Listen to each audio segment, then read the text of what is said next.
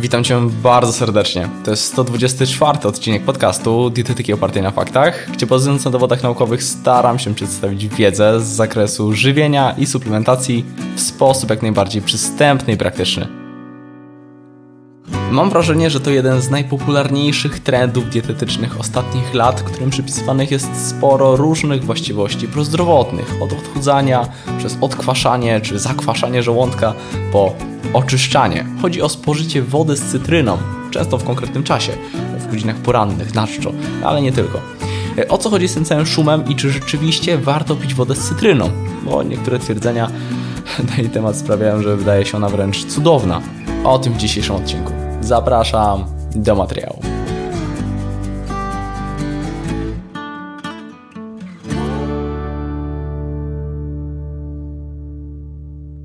Zdecydowanie napój składający się z wody i soku z cytryny będzie stanowił część dziennej podaży płynów. To duży plus.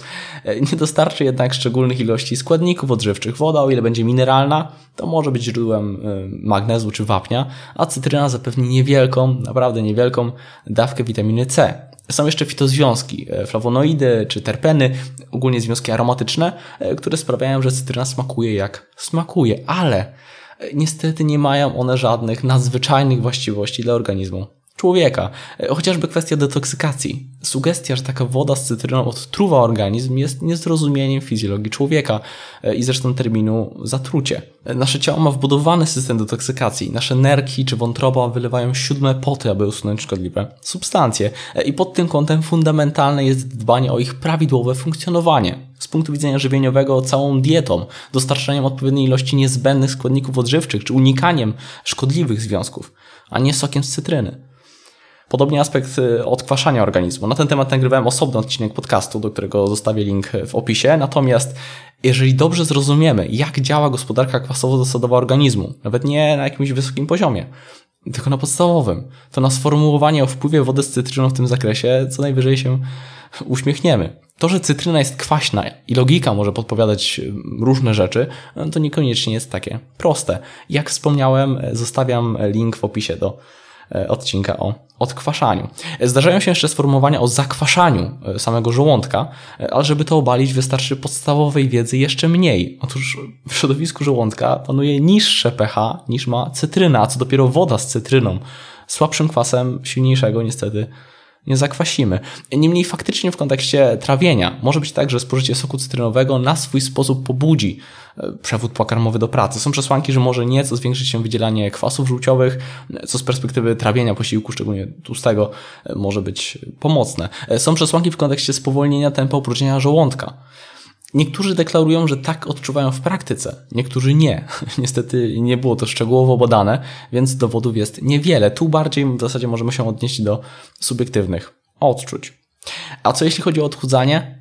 Też niestety y, muszę niektórych zmartwić. Dlaczego zresztą woda z cytryną miałaby mieć jakieś szczególne właściwości w tym zakresie, których na przykład sama woda nie ma, bo to inny element. Y, odpowiednie spożycie wody może sprzyjać odchudzaniu, ale cytryna może tu stanowić bardziej element smakowy.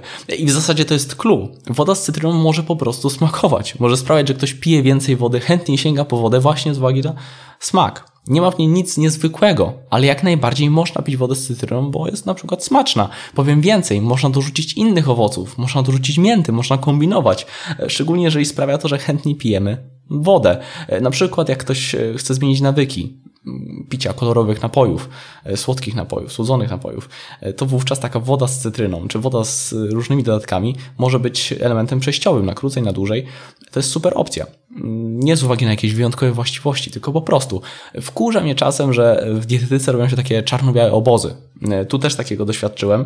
Z jednej strony grupa, która wychwala wodę z cytryną, przypisuje jej wyjątkowe, nadzwyczajne właściwości i druga grupa, która wręcz krytykuje i śmieje się z osób, które wodę z cytryną piją, bo zakładają, że ktoś to robi, bo myśli o tych nieprawdziwych, e, wyjątkowych właściwościach. A ktoś może po prostu lubi i tyle, i to jest w porządku.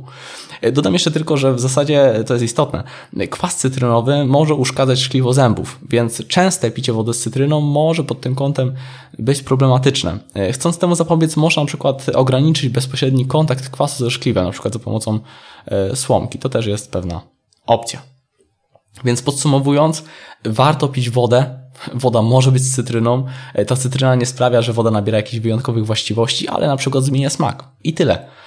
W dietetyce niestety nie ma jednej sztuczki, magicznej rzeczy. Liczy się całościowa dieta, więc jeżeli kiedykolwiek pojawi się podobny trend, woda z kurkumą, jakiś mały dodatek konkretnego warzywa i tak dalej, jasne, to może być zdrowe, ale nie jest to żaden game changer i choć dobrze się to sprzedaje, to raczej jest to smaczek, szczegół, a fundament pozostaje ten sam. Mam nadzieję, że ten krótki odcinek okazał się wartościowy. To już tyle ode mnie. Do zobaczenia, do usłyszenia już niebawem. Hej!